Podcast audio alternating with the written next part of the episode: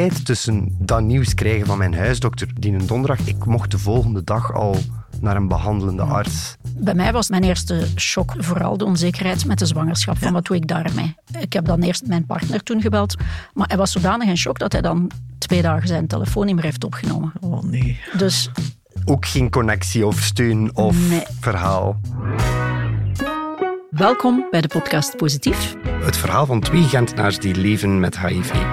Laurence. En Christophe. In deze aflevering gaan wij ons ziel blootleggen, hè Christophe? Oef, ja. Want wij keren terug naar dat moment waarop dat wij de diagnose hebben gekregen dat wij leven met HIV. En dat was natuurlijk een shock, een eh, heel intens moment, een heel persoonlijk moment. Maar we hebben opnieuw een eh, fantastische gast die ons hier in deze aflevering gaat begeleiden. Welkom, Christina Joosten. Dank je. Kan jij de luisteraar eens vertellen wie jij bent? Ik ben Christina. Ik werk al oh, 27 jaar of zo, denk ik, als psychosociaal begeleider van mensen met HIV. En wat betekent dat dan precies? Ik weet dat wel natuurlijk, want ik ken Christina. Christina is eh, de vierde persoon geweest waar ik over mijn HIV-status verteld heb. Mijn huisdokter, een goede vriendin, mijn behandelende arts bij UZ Gent. En dan kwam Christina aan de beurt. Ehm, wat wil dat dan precies zeggen, die, die begeleiding van mensen die leven met HIV? Wat doe je dan precies? Mijn officiële taak is een stuk proberen inschatten van hoe valt die diagnose binnen bij mensen en welke steunelementen kunnen we inschakelen en dan vooral op psychosociaal vlak. Ja. Dat kan zijn iemand die zelf helemaal alleen in de wereld staat of dat gevoel heeft en waar we moeten proberen extra steun bij te halen. Dat kan zijn iemand zoals Christophe die zei van ik heb een heel goede relatie met mijn ouders, ik heb veel vrienden, Ja. er zijn al een paar mensen die het weten. Dan sta je al heel Ja. anders in je schoenen op dat moment. Ja, dat houdt een, een beetje een andere begeleiding in, denk ik. Voor mij heeft dat heel veel betekend, dat gesprek overigens. Hè. Eh, ik denk dat ik dat ook al gezegd heb tegen jou, Christine, maar je krijgt heel veel medische informatie, wat dat heel noodzakelijk is. Maar heel dat sociale is superbelangrijk natuurlijk, want die klap die je krijgt van dat nieuws, moet natuurlijk ook wel een stuk verwerkt worden. En, en ik weet nog dat jij ook heel duidelijk zei van, ja, voelde je geen druk om het ook tegen iedereen te zeggen en dergelijke meer. Maar ik denk dat dat een heel belangrijk gesprek is om aan te gaan op dat moment natuurlijk. Ik denk dat dat bij u, Laurence, Dat is Een ander verhaal geweest is natuurlijk. Dat kunnen we wel zeggen. Eh, ja, Christina kent mij ook niet, hè, dus ik ga toch ook even mijn verhaal doen. Dus ik woonde en ik werkte in Mozambique. En ehm, ik had al twee dochters van tien en zes jaar, maar ik had een nieuwe relatie, al een, een vaste relatie wel, met een Mozambicaanse partner. En ik was zwanger. En ik was ongelooflijk blij dat ik zwanger was. Ik had thuis een zelftest gedaan en dan van, oh, we gaan naar de huisarts dat gewoon gaan bevestigen.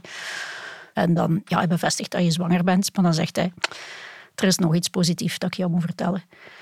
En dus ja, daar zat ik op die stoel. Hè. En ik kan u zeggen, het bloed trok uit mijn... Allee, dat is, die shock is zo intens. En ik ging van een summum van ja, blijdschap geluk. en geluk naar de totale diepe put van, amai, ik ga hier dood. En, en vooral mijn eerste reflex was, ja, dat kan niet, dat mag niet. Ik heb twee dochters van tien en zes, hè, die hebben mij nodig. Ja, er was niet iemand die daar... Allee, die, die psychosociale... sociale... Nee, Ja. Enfin, dat was bij een huisarts. Ik moet wel zeggen, dat was ook een heel fantastische mens wel. Maar dat was niet zo goed ingebed in het systeem van we vangen de mensen direct op. Maar ik had wel een heel goede vriendin. En eh, zij had ook ervaring door een relatie gehad te hebben met iemand die HIV-positief was. En zij heeft mij door de eerste shock geholpen en snel gezegd van nee, nee, nee, nee, je gaat niet dood. Dat komt allemaal in orde. Maar een belangrijk onderscheid vind ik daarbij. Ik ben ook naar een goede vriendin geweest, maar soms zijn er ook gewoon heel veel vragen bij uw dichte kring, bij uw kennissen. Ze wist misschien al wat meer over het hele thema dan andere mensen. Maar je mist natuurlijk de, de stenen om het aan te pakken, wat dat Christina wel kan aanleveren op zo'n moment natuurlijk. Dat is ook wat dat jij doet, hè. zeggen van, kijk, dit is een shock, maar je gaat hierover geraken, want je kunt dat en dat en dat allemaal doen natuurlijk. Hè. Ja, ik denk ook dat het belangrijk is om een aantal verschillende mensen te zien, omdat iedereen zijn eigen aanpak en zijn eigen accenten legt. En naast het feit dat je een enorme shock door moet, bedoel, zwanger zijn, al je hormonen gieren door je lichaam en blij en fantastisch. En, en, en op dat moment ja, meemaken wat iedereen meemaakt, die hoort dat die seropositief is, is van, dat is, diep, diep, diep, diep de put in en heel veel vragen. Eh, daar moet een antwoord op komen, maar dat kan niet allemaal van ene persoon komen. En in die zin is dat fantastisch dat de Belgische overheid gezegd heeft van we gaan een aantal mensen extra steun in zo'n team zetten mhm. en we gaan dat financieren, zodanig dat daar op één plek en liefst op één dag, als dat voor de patiënt uh, haalbaar is, haalbaar is die steun er kan zijn. Want dat is een groot verschil tussen ons verhaal natuurlijk, ja. Laurence. ik heb op donderdag 10 juni Weet jij uw datum nog? Ah, wel, dat jij uw diagnose gekregen hebt? De definitieve. Ik weet, er zat een week tussen de eerste diagnose en dan nog de uiteindelijke bevestiging, ah, de PCR-test. Ja.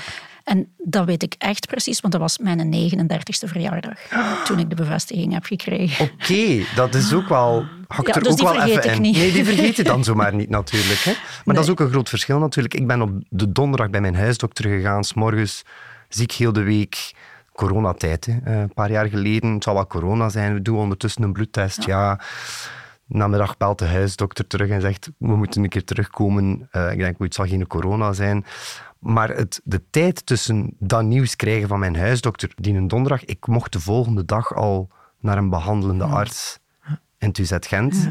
En na mijn toch wel, denk ik, twee uur durend gesprek met de behandelende arts, er is tijd voor genomen om dat uit te leggen, wat dat dan nu precies allemaal is, heb ik al een gesprek met Christina. Dat is een gigantisch verschil met wat dat jij in, in, een week en een onzekerheid en dergelijke meer En bij mij was het vooral de onzekerheid met de zwangerschap, van wat doe ik daarmee? Mijn eerste shock was van, ja, bij mij, ik heb dan eerst mijn, mijn partner toen gebeld, die, die woonde op 1200 kilometer van mij. Dus ik bel hem. Maar hij was zodanig in shock dat hij dan twee dagen zijn telefoon niet meer heeft opgenomen. Oh nee. Dus ook geen connectie of steun of verhaal. Dus ja, ik was heel boos. Uh, ik had ook ja, wel een heel sterk vermoeden toch dat het van mijn partner kwam. Hè. Uh, nu op het moment dat ik hem bel en hij was wel verrast, dus hij wist het niet, maar uiteindelijk heeft hij ook heel snel zelf een bloedtest laten doen en die was uiteraard positief. Dus ik had wel, ja, ik was toch bijna zeker dat het van hem was, waardoor ik nog een keer natuurlijk boos werd en, en eigenlijk met hem wilde breken, een abortus overwoog. Maar dan na die eerste shock, na die eerste dagen en ook de extra begeleiding die ik toen kreeg van de artsen toen, die mij verzekerde van nee, als jij alles doet wat wij jou zeggen, dan ga jij echt jouw kind normaal wel negatief kunnen houden. Dan heb ik toch snel besloten van nee, inderdaad, ik moet vooruit. Ik moet op een positieve manier vooruit. En uh, als ik anders die baby en alles opgeef, dan ben ik echt alles kwijt. En dan hadden wij het perspectief van samen ook behandeling op te starten, wat we ook gedaan hebben. Na een maand kwam ik sowieso, ging ik naar België komen. En dan heb ik toch eens even laten checken in het UZ of de behandeling die ze mij daar in Mozambique voorstelden, of dat effectief oké was. Ja. Maar dat hebben ze mij toen bevestigd. Ja. Hoorde dat vaak, Christina? Als zo'n nieuws binnenkomt, dat is natuurlijk een shock dat mensen dan ik zou zeggen drastische beslissingen nemen, maar breken met je relatie, een abortus is zeer drastisch. Mhm. Zijn dat elementen die herkenbaar zijn? Ja, heel erg. Ja, ja, ja, ja. Mensen zijn, zijn echt tot alles in staat. ook heel boos. Hè. Bedoel, ik, ik begrijp je boosheid ook. Bedoel, of iemand nu weet of die seropositief is of niet. Uh, op het moment dat zoveel gevoelens door mhm. je lijf gaan, is ook boosheid één van de reacties. Ik bedoel, dat is een, een grote rouw om een stukje gezondheid dat je opgeeft. Ja. Uh, ik wil nog even terugkomen. Mhm. Je zei daar juist van de kans op uh, positief zijn van de baby.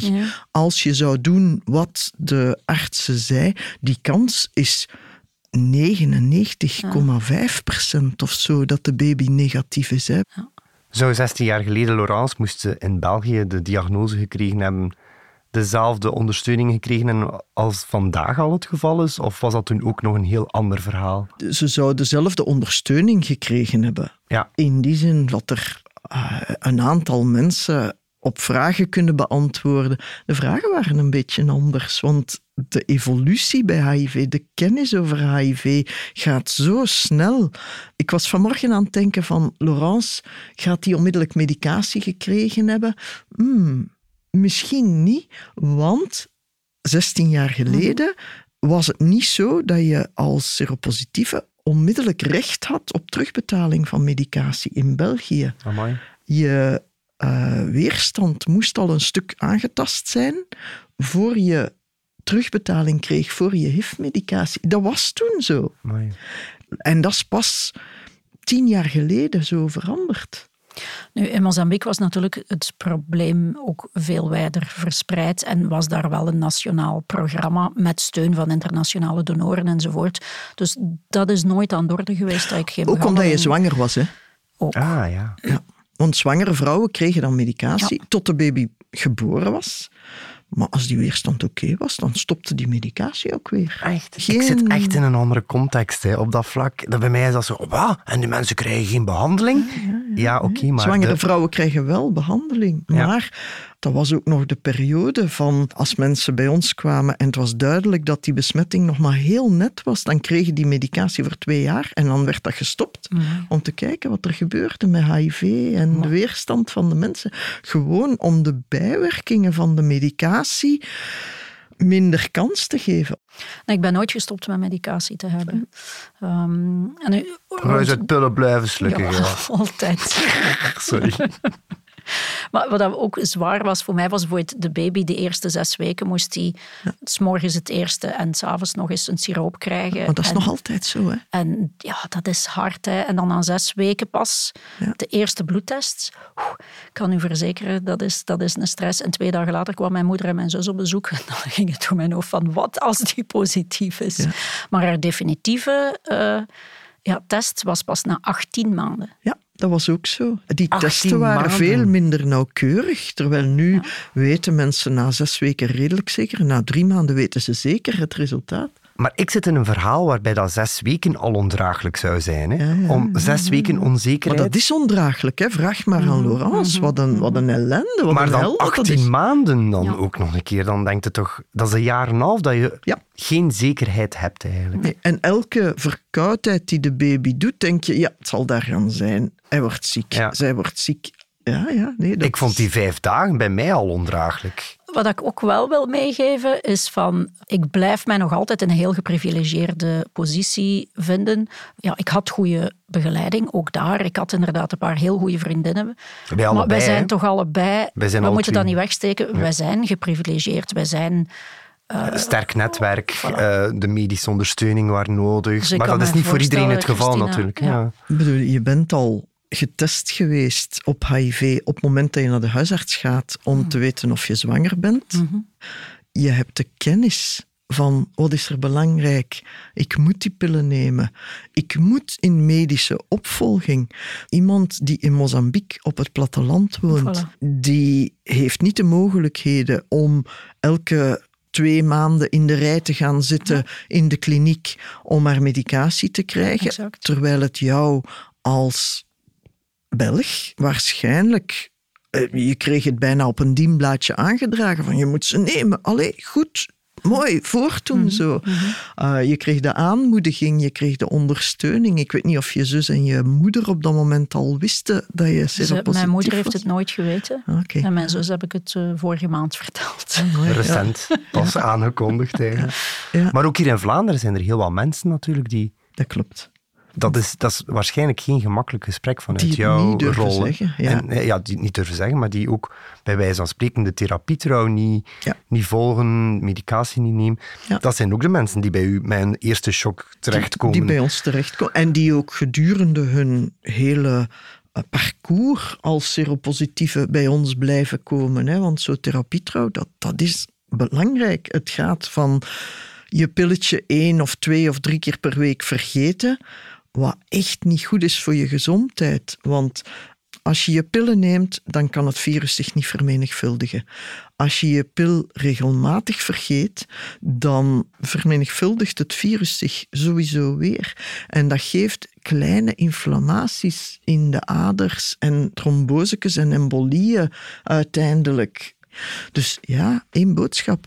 Wij zeggen dat bijna casual tegenwoordig, van je moet die pil elke dag nemen. En dan krijgen wij een 25-jarige jonge man bij ons op bezoek die zoiets heeft van een pil elke dag nemen. Als ik hem om de vier dagen neem, zal, het ook, wel goed zijn, zeker. en dan moet je dan aan uitleggen van, ja, maar dat is belangrijk dat je die wel neemt. Maar die gasten zijn daar niet mee bezig. Die zijn bezig met leven. Die willen in het weekend uitgaan. Niet pillen moeten nemen en op tijd opstaan om hun koffie te drinken. En hun... Allee. Je moet een goed uur kiezen. Hè. Ja. Je moet geen uur kiezen s morgens, dan kunnen we nog uitgaan. Hè. Ja, ik heb ze heel lang twee pillen per dag moeten nemen. En dat was dus zes uur s morgens en zes uur s avonds. Ja. Ja, leg eens uit aan uw kind dat je op vakantie komt naar België. Je hebt dan nog een uur verschil dat je je wekker moet zetten om vijf uur, iedere dag. En dan hebben ze zo'n kindje dat zo gelijk een politieagentje is, dat u altijd in de gaten houdt. Ik sliep bijna met mijn telefoon in mijn hand om heel snel dat alarm te kunnen afzetten. Ja. Jee, man. al die de stress. Ik, ik moet gewoon op zes uur s'avonds en ik denk, voor mij is dat gewoon al een, een, automatisme. Ik denk daar zelfs al niet meer bij na. Of mensen die veel moeten reizen voor hun werk, die in heel veel verschillende, bedoel één uur, ja oké, want je kunt het verleggen een uur. Dat is raar dat ze je dan niet, niet verteld hebben. Zo van, want dat was twintig jaar geleden ook al. Je kunt daar een beetje mee schuiven met die medicatie. Het is als je hem echt begint te vergeten, dan is het een probleem.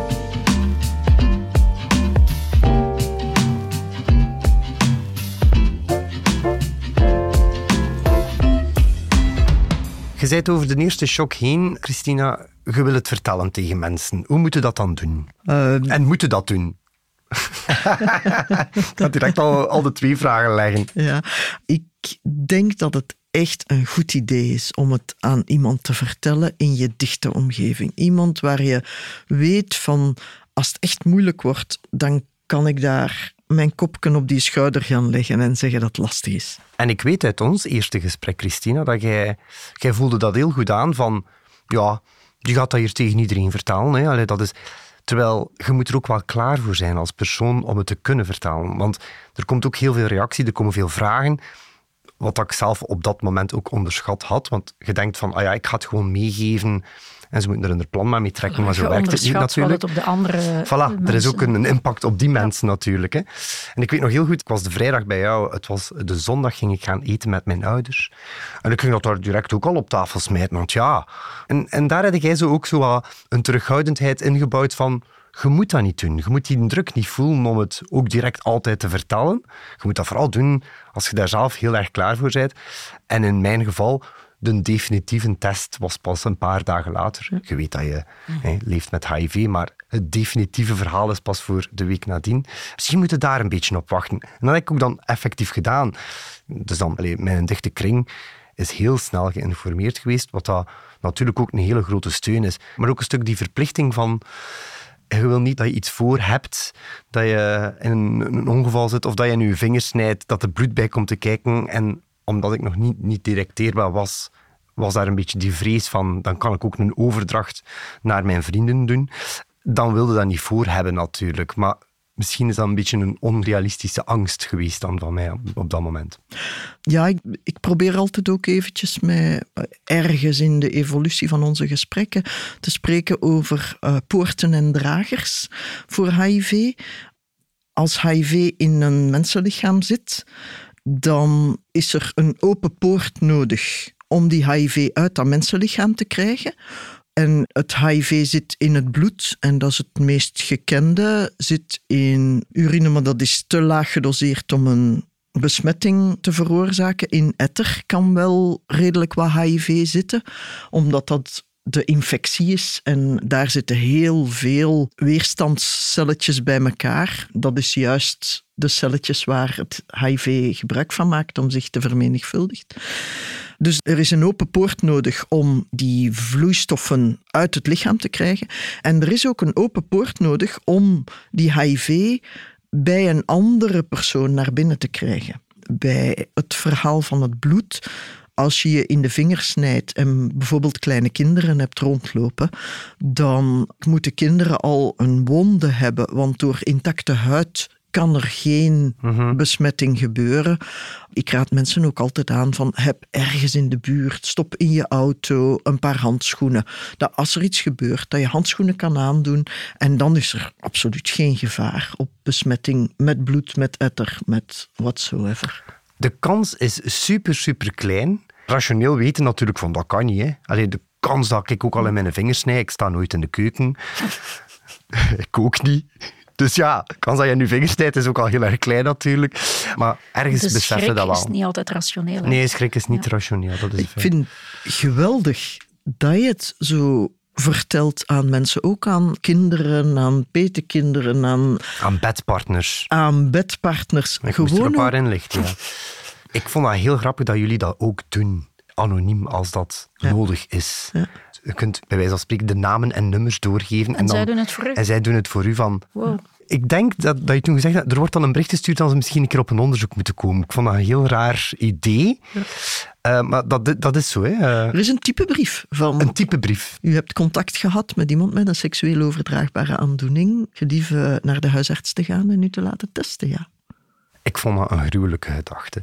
Dat er iemand, Ja. dat, dat iemand waar ik mee in bed gelegen zou hebben, een brief krijgt en zegt van er is misschien zo als jongens, je moet een keer naar de dokter gaan. Moest ik zo'n brief krijgen, ik zou boos zijn. Dat die Ja. persoon dat niet aan mij persoonlijk durft eh, te zeggen. Ja, ja, maar de schaamte zit er daar ook een stuk Ja, in ja, natuurlijk. Dat is waar. Ik heb vooral duidelijkheid iedereen persoonlijk gebeld en gecontacteerd. Geen negatieve opmerkingen over gehad. Nee.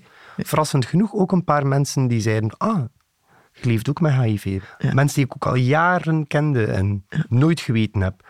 Die dat ook niet verplicht moesten zeggen tegen mij. Ze zijn niet detecteerbaar, dus er was ook geen reden waarom dat ze mij dat zouden zeggen. Maar dan denk ik dan, ah ja, ah, we zwijgen erover blijkbaar. Ik ben benieuwd of ik ook nog dingen ga te weten komen. Ja, je zit nu in de fase van Voilà. mededelingen Ja, te doen ja. aan iedereen natuurlijk. Hè? Dat heb ik nog niet meegemaakt. In het vooruitzicht van de podcast moet jij nu zo uw dichte kring gaan informeren. Ja, ik ben daar serieus mee bezig. Eh, Het afgelopen jaar ben ik nu eigenlijk ook aan het...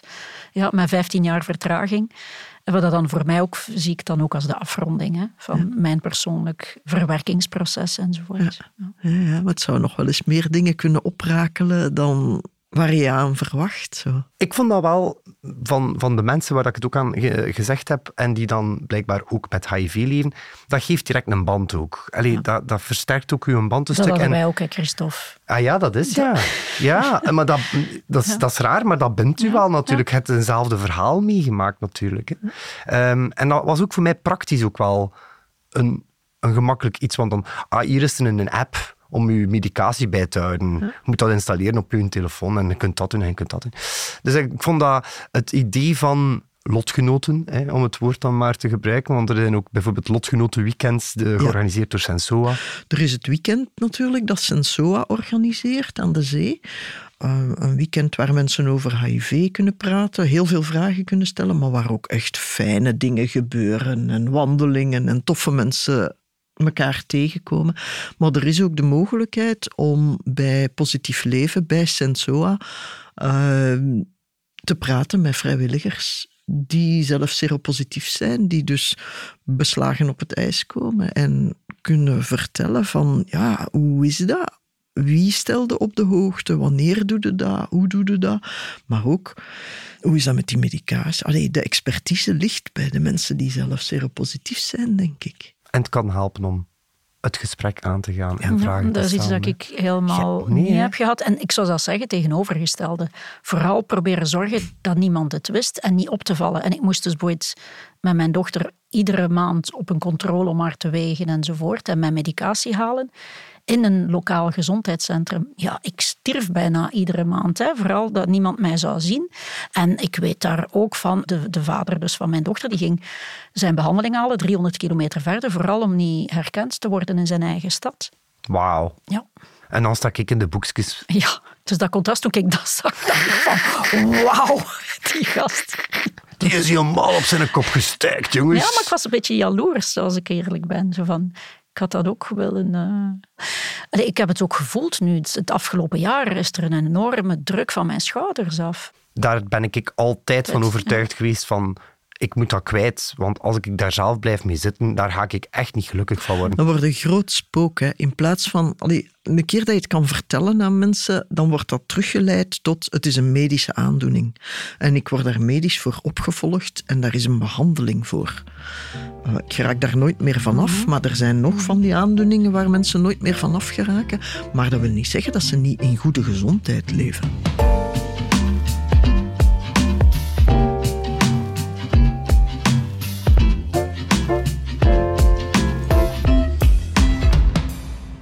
Nog een paar praktische vragen die ik heb voor jou, Christina. Naast een heel medisch verhaal zitten natuurlijk ook met allerlei praktische vraagstukken. Ja. Kan ik nog een lening aangaan? En een levensverzekering? Ehm, de wetgeving is in 2019 veranderd. Er is tegenwoordig. ja, ja, ja, ja, ja. Er was al de wet Partica. En dat was een wet die stelde dat mensen met HIV, dus alleen maar mensen met HIV, al die andere chronische aandoeningen, daar werd niet over gesproken. Die hadden geen goede lobby. Maar mensen met HIV, die konden een schuldsaldoverzekering afsluiten.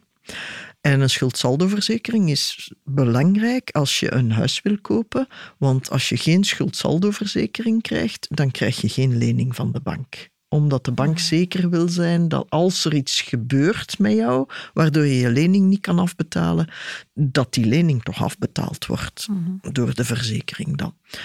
Praktisch, dat wil dan wel zeggen dat voor die wet, als jij HIV eh, had en je moest nog een lening afsluiten omdat je nog geen huis gekocht had, dan kon het vergeten eigenlijk. maar goed, Tegenwoordig is er een wet op het uh, vergeten. Dat lijkt dan op bewijzen dat ze goed gezond zijn. Dat de verzekeringsmaatschappijen die aandoening niet meer mogen meetellen in het berekenen van het risico. Dus als wij onder behandeling zijn, ja. dan. En je wij... bent ik en alles is oké. Vijf jaar ondetecteerbaar en je gebruikt geen psychoactieve middelen of zo. Staat echt zo in die wet, geloof ik. Uh, dan kan je wel een schuldsaldoverzekering en een levensverzekering. Een hospitalisatieverzekering? Hospitalisatieverzekeringen, dat was al gemakkelijker.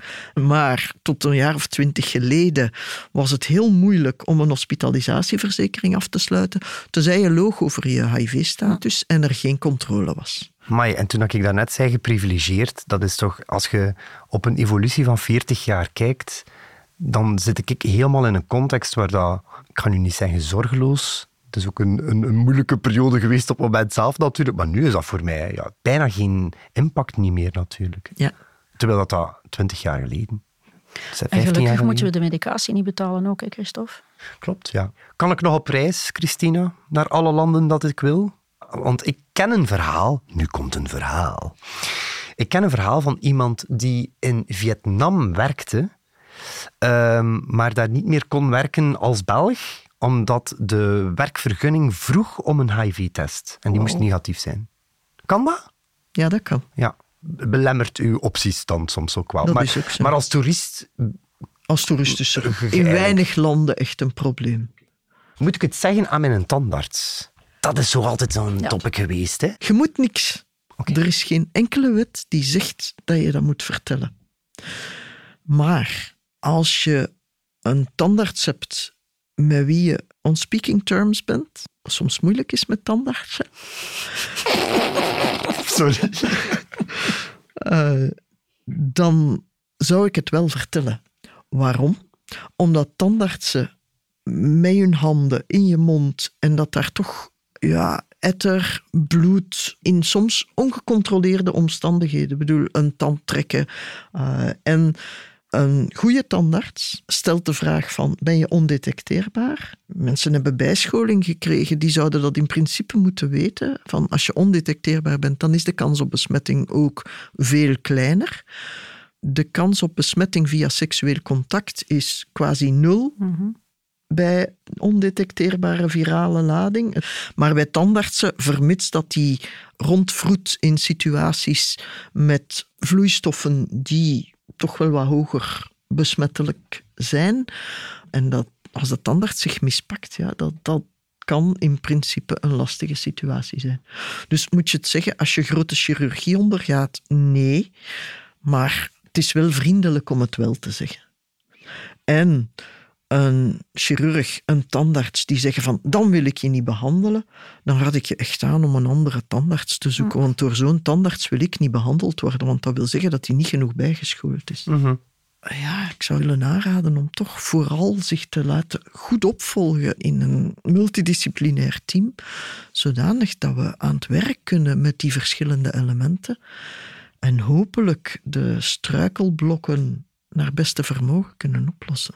Dat hopen wij ook. Ik vind dat echt een, een van de mooie conclusiepunten van dit gesprek. Ik denk ook een element is, er is soms een hele grote shock in het leven, maar je komt daar wel over. Hè? Dus altijd hoopvol blijven natuurlijk. Ja, een beetje tijdsperspectief inbouwen. Zo. Ja. Het is niet omdat het op één moment heel erg wanhopig is, dat het een half jaar later of een jaar later nog altijd op die manier doorwerkt.